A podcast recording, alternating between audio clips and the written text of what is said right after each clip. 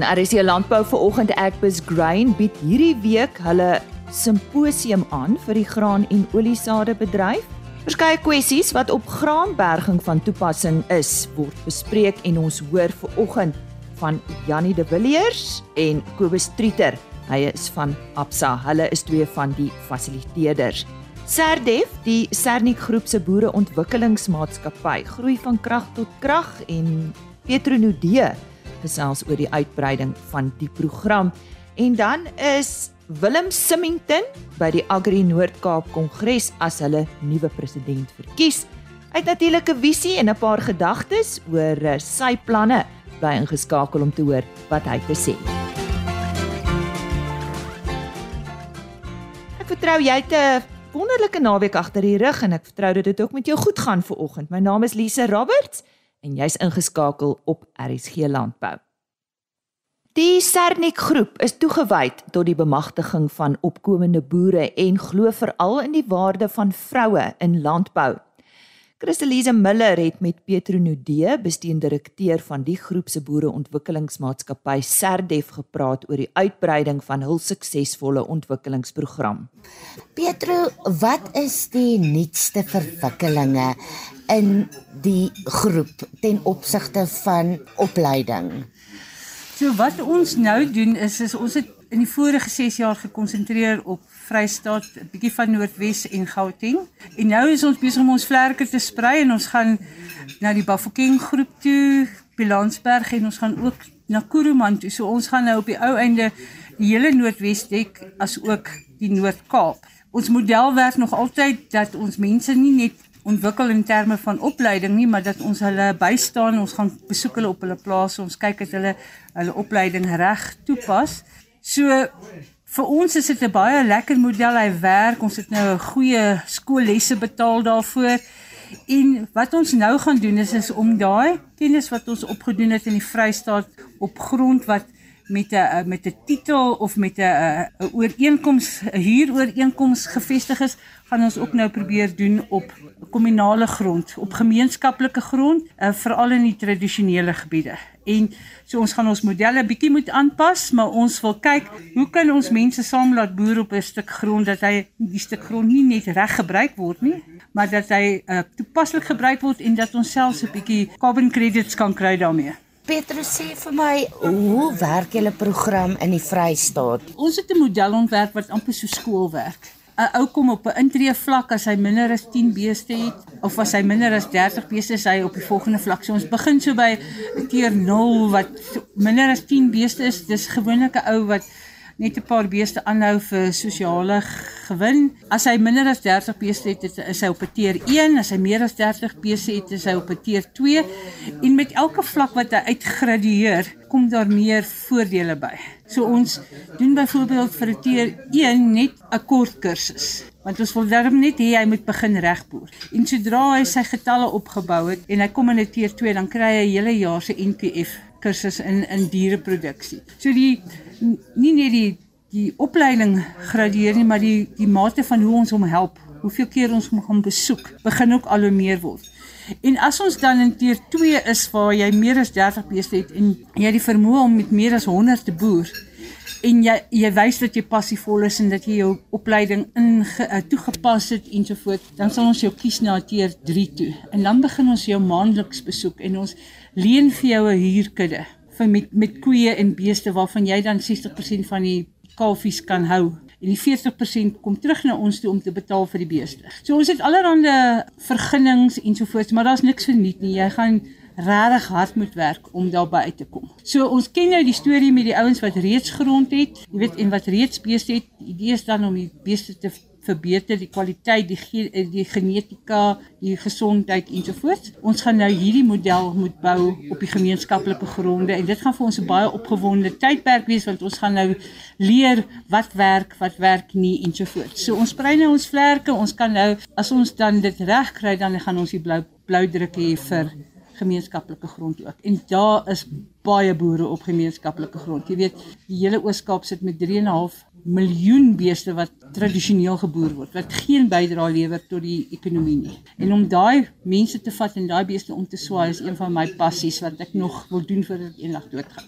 So jy weet dit is alles alles werk na 'n punt toe waar ons van tradisionele boerdery wil oorstap na waar mense hulle self kan help en uit die armoede kan uitklim. Want jy weet as ons net as ons 'n boer kan kry om 7 meer kalfies se jaar te kry. 7 kalfies is gelyk aan 'n vo volledige 'n voltydse salaris vir een persoon vir 12 maande. En dis al wat dit vat om 7 meer kalfies te kry kan ons 'n ou 'n volle salaris betaal vir 'n vir 'n jaar. Dit is die waarde van 7 kalfies. Waar pas vroue in in die proses? Die vroue is magic. Ek bedoel, die vroue is die mense wat so sponsoreer. Hulle hulle is die ouens wat verandering aangryp. Hulle wil uit daai armoede ding uitkom. Waar die mans nog vreeslik tradisioneel is en kultureel bewus is, is die vrouens geneig om die die meeste te verander en hulle is die ouens wat regtig hierdie die hele animal production aangryp. En hulle Hulle is baie suksesvol daarmee. En ek dink dit is miskien omdat vrouens met kinders werk, jy weet. Die beeste word hulle kinders. Ek weet nie hulle mag nie vir hulle name gee nie. Ons het al gesê as jy vir jou beeste name gee, gaan jy hulle nie wil verkoop nie, maar so dit is die die nurturing en die die goeie moederskap instinkte. Hoekom is vroulike bemagtiging vir die Sernik groep van so groot belang? Weet jy, ons wil graag hê vrouens moet die voortou neem. Sernik het al van vroeg af gesien dat vrouens 'n belangrike rol speel. Hulle is baie makliker om vorentoe te kom, om leierskap te neem ensovoorts. En ons het baie goeie resultate gekry met die jobs van projek wat ons gehad het met vrouens. En hulle staan nie een tree agteruit vir mans nie. Hulle het ook nie egos nie. Jy weet, daar's baie dinge oor vrouens waarmee ek kan uitbrei, maar ek wil ook nou nie hierdie mans moet te sleg voel daaroor nie. Maar ons het regtig en ek bedoel die feit dat ek 'n vrou is en ek staan aan die hoof van hierdie program. Ek het ook baie vrouens in die firma en van my beste monitors wat elke dag uitry plaas toe is ook vrouens. Petro julle behaal groot sukses en wat dryf jou? Ag weet jy, ek het my hele lewe gewerk. Ek raak gou verveeld. So met hierdie projek het ek nog nooit eendag gestop om enigsins verveeld te voel nie. Daar's elke keer iets nuuts aan. Ons leer nuwe goed. Ons verander. Ons neem die voortou. Jy sal sien dat ons het begin met boere daar. Nou is almal besig met boere daar. Dit wat 'n goeie ding is, want dit dit help ons opkomende boere. So dit wat my dryf is om te sien dat die ripple effek al hoe groter gaan. Dis nie asof ek alles self moet doen nie. Daar's 'n outomatiese ripple effek wat deur die hele land gaan in terme van opkomende boere en en en livestock. En daar daaroor is ek baie passievol. My grootste passie is om te kyk hoe ek die tradisionele boere gaan omswaai in iemand wat uit 'n uit 'n armoede kan uitklim by hulle self. Ek wil graag hê die mense moet ontwikkel dat hulle volwaardige mense is wat kan besluit op hulle eie neem, dat hulle kan deelneem in die hele kommersiële bedryf. En daar is plek definitief vir vroue in landbou. O, absoluut, absoluut. My boere, my vroue boere het bewys dat hulle net so goed is met hulle diere. Hulle is in die kraal, hulle kan inspuitings doen, hulle kan bloedmonsters neem ensovoorts. So, dis nie asof dit nie vir hulle beskore is nie. Maar ons sal graag mense wil sien in die abattoir bedryf en die jy weet in die hele veevoer bedryf. Ons soek navorsers, ons soek mense wat in die die diensmaatskappye vir die rooi vleisbedryf, jy weet soos RMIS kan dien ensovoorts. Maar veral soek ons dan ook opleiers en mense wat boere kan gaan ondersteun en moniteer. Wat is jou boodskap aan vroue? Moenie wens en droom nie doen. Alles is in jou vermoë. Jy moet dit net kan ontwikkel. Ontgin jouself en maak die beste van jouself en jy sal daar kom. Dis ons almal maar begin. Dit was Petro Nudee, bestuurende direkteur van die Sernik Groep se boereontwikkelingsmaatskappy Serdef. Christelise Miller het onlangs daar op hulle plaas in die Vrystaat met haar gesels en vir meer inligting besoek Serdef se webtuiste S E R D E V. Agri Noord-Kaap het op 23 en 24 Augustus hul jaarlikse kongres aangebied en tydens die geleentheid het Nicole Jansen besluit om die tuig as president neer te lê en sy gewig by Agri SA in te gooi. Willem Symington is tydens die kongres as nuwe president van Agri Noord-Kaap verkies en Koos de Pisani het by hom gaan uitvind wat sy planne en sy toekomsvisie vir landbou in die Noord-Kaap is. Willem Symington is vanjaar verkies as die nuwe president van Agri Noord-Kaap en hy het diep spore wat hy moet sal moet volstaan in hierdie amp. Ek gesels met hom oor sy siening vir die toekoms van Agri Noord-Kaap.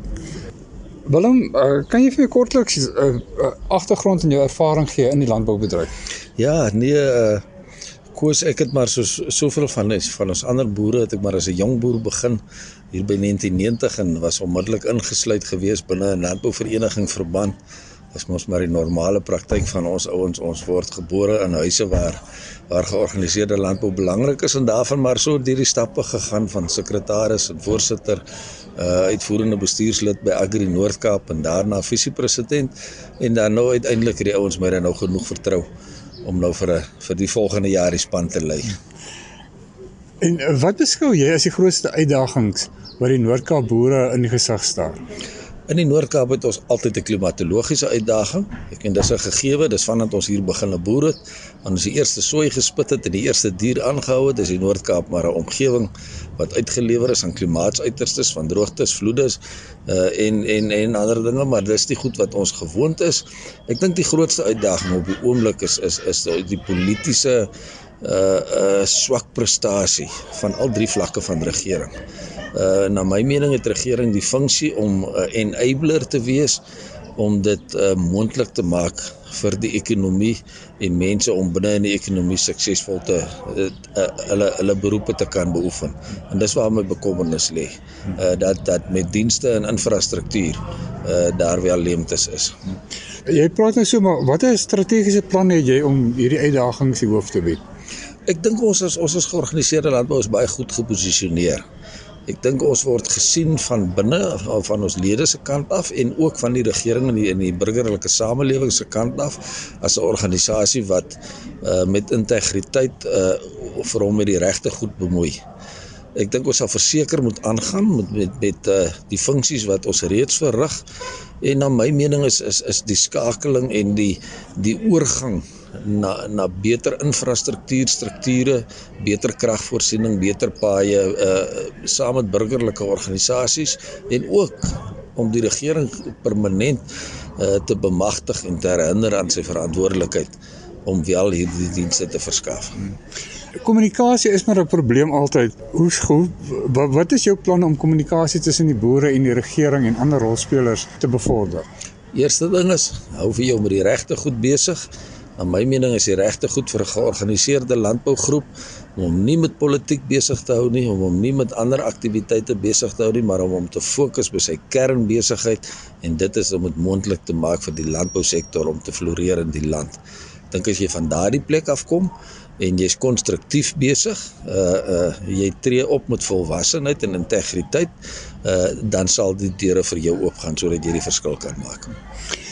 Hoe beplan jy Willem om belange van verskeie boere. Ek praat nou van die van jou opkomende boer tot by jou kommersiële boer uh, binne die organisasie te bevorder. Ja, dis 'n wye spektrum nê van ouens wat wat werklik waar 'n uh, eh, bestaansboertjies voer, boerderye het tot mega boere wat met die beste in die wêreld kan meeding. Daar is in my mening is daar nie eintlik 'n onderskeid tussen hierdie mense nie.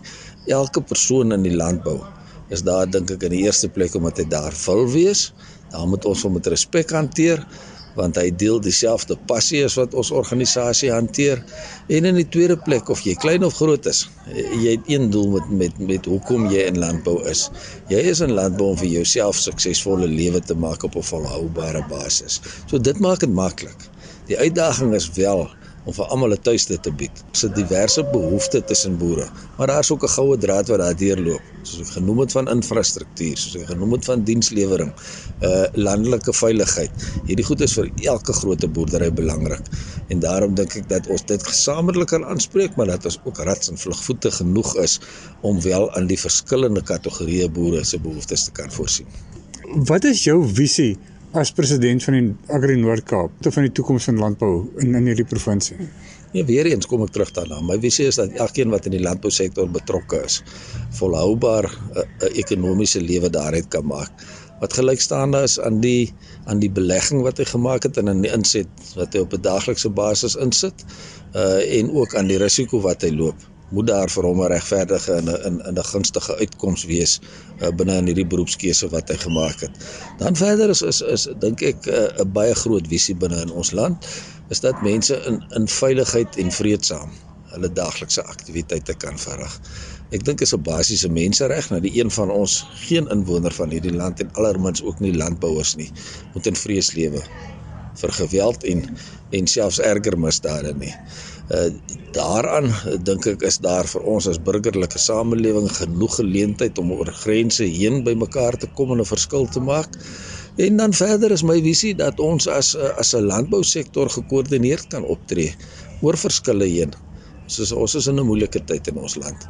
Uh ons gaan moet werklik waar uh uit ons pad uit gaan om almal wat dieselfde doelwit najag by mekaar te kom. Dit was uh, Willem Symington wat kans sien vir die amp wat hy voor gekies is en ek glo hy sal hy sal daai diep spore wat get, reeds getrap is kan volstaan. Ek is Koos Tupisani vir RSG Landbou in Kimberley. Ons dank aan Koos Tupisani. Koos is ons medewerker in die Noord-Kaap. Lede van die graanbergingswaardeketting kan uitsien na Agbus Grain se simposium dis hierdie week van 5 tot 8 September en dit is vir die graan en oliesade bedryf. Die simposium sluit 'n paar paneelbesprekings in. Ons hoor vandag van twee van die fasiliteerders, Janie de Villiers en Kobus Trieter. Janie verduidelik waarop sy sessie fokus. Ja, dit's 'n baie moeilike heuweltjie hierdie om te klim en dit gaan oor die naspeurbaarheid van graan in al ons kom ons sê hoe ons die regulatoriese goede eintlik kan voldoen aan Ehm um, maar dis 'n dis 'n dis regtig nie 'n baie maklike onderwerp wat ons gevat het nie, maar ek dink dis baie nodig dat ons daaroor praat. Maar is ook kompleks. Ja, ek dink die die waarom ons daarna oor praat is die, die verbruikers bly hierdie tipe van goed vra. Hulle wil weet waar kom hulle kos vandaan en en hoe as daar 'n probleem kom, weet hoe trek jy daai produkte terug en hoe gaan jy terug na die oorsprong van die probleem toe? So die hele tyd in die in die in die in die supply chain vra die ouens, die vorige ouens, die die aan die ouens wat die aanbod aanbieding doen of die produk lewer, weet waar kom dit vandaan? As daar 'n probleem kom by watter plaas van watter plaas af kom dit of wat se produk was gespuit op die produk en so. Maar ek dink die kompleksiteit lê daarin dat graan word die heeltyd vermeng. Jy weet as die boer selfs op die lande vermeng hy die goed partykeer op in wat aan die lorries kom by die silo definitief ehm um, want daar klassifiseer ons dit volgens uh, die kwaliteit in in ja, ons doen sekere veiligheidsgoed daar, maar ek dink waarna die verbruiker soek is baie meer as dit en ek dink die kompleksiteit van graan lê daaraan oor die vermenging en hoe hoe kom 'n ou terug by watter ton mielies het van watter plaas af gekom. Hulle praat ook oor die voldoening aan reëls en regulasies. Ek dink die die wonderlikheid van die paneellede is dat ons het ten minste 3 internasionale paneellede wat al bietjie ondervinding van hierdie goed gehad het en nog steeds het. Um, ek dink die een van PepsiCo kom uit die Verenigde Koninkryk uit. Ons het een uit Frankryk uit en dan een in Amerika uit en dan natuurlik van ons plaaslike kundiges ook. Maar ek dink ons hoop om by daai ouens al te hoor wat se skoolgeld het hulle al betaal. Jy weet want ehm um, hoe hoe hoe ek wil amper sê hoe meer hierdie vermenging plaasvind, hoe moeiliker is dit en hoe meer koste sit jy by. Jy weet, 'n graan is nie 'n baie hoë waarde produk in 'n sekere sin nie. En daarom dink ek is dit is dit baie die koste regverdig dit nie dalk altyd op die manier waarop mense dit wil doen nie. En ek dink die vrees wat ek hoor maar by die bedryf is dat ons is bang die regering stel sekere regulasies in waaraan ons moet kan voldoen sonder dat hulle verstaan hoe kompleks dit is en hoe moeilik dit is en wat die koste daaraan verbonde is. Dis aan Janie de Villiers, een van die fasiliteerders van 'n sessie tydens vanjaar se Agbus Grain Simposium. Volgende is Kobus Trieter, hy's Absa se hoof van gestruktureerde kommoditeitsfinansiering. En uh, die sessie wat hy lei gaan oor versekerings en die versekerbaarheid van graanberging. So versekerings is die vermoë van een party om sy risiko te mitigeer. So in ieder geval die stode. Hy wil sy risiko met uh, verminder, sy sy sy besigheid beskerm. Daarom neem hy versekerings uit.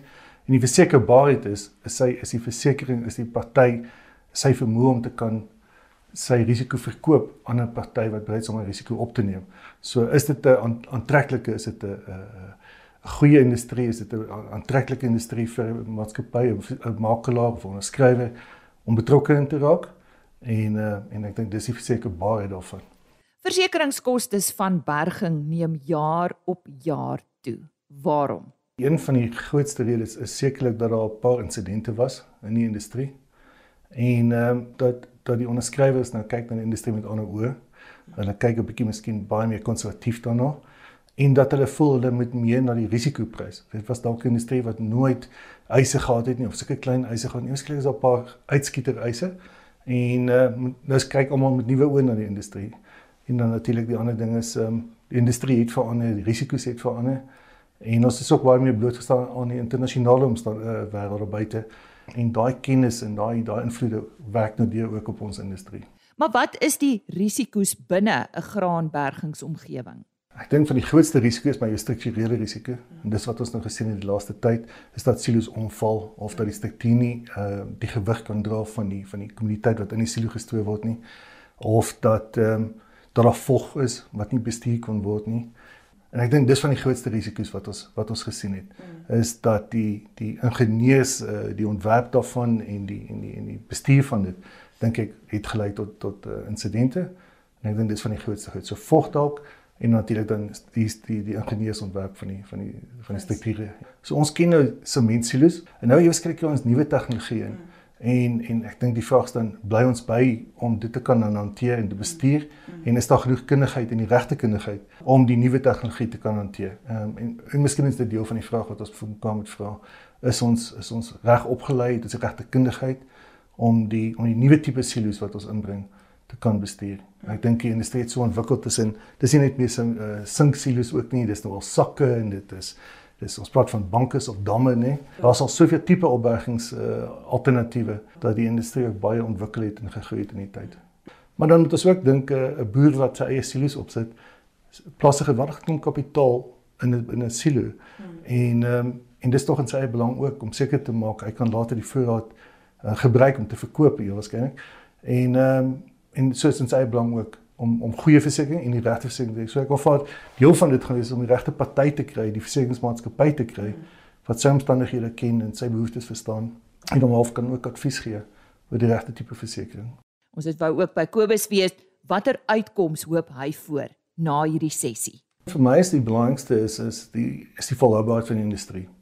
So wat ons moet doen is, is ons moet almal probeer saamwerk om te kyk waar kan ons koste spaar om die lewensvatbaarheid en die volhoubaarheid van die industrie te verseker ehm um, vanuit verskillende perspektiewe uit.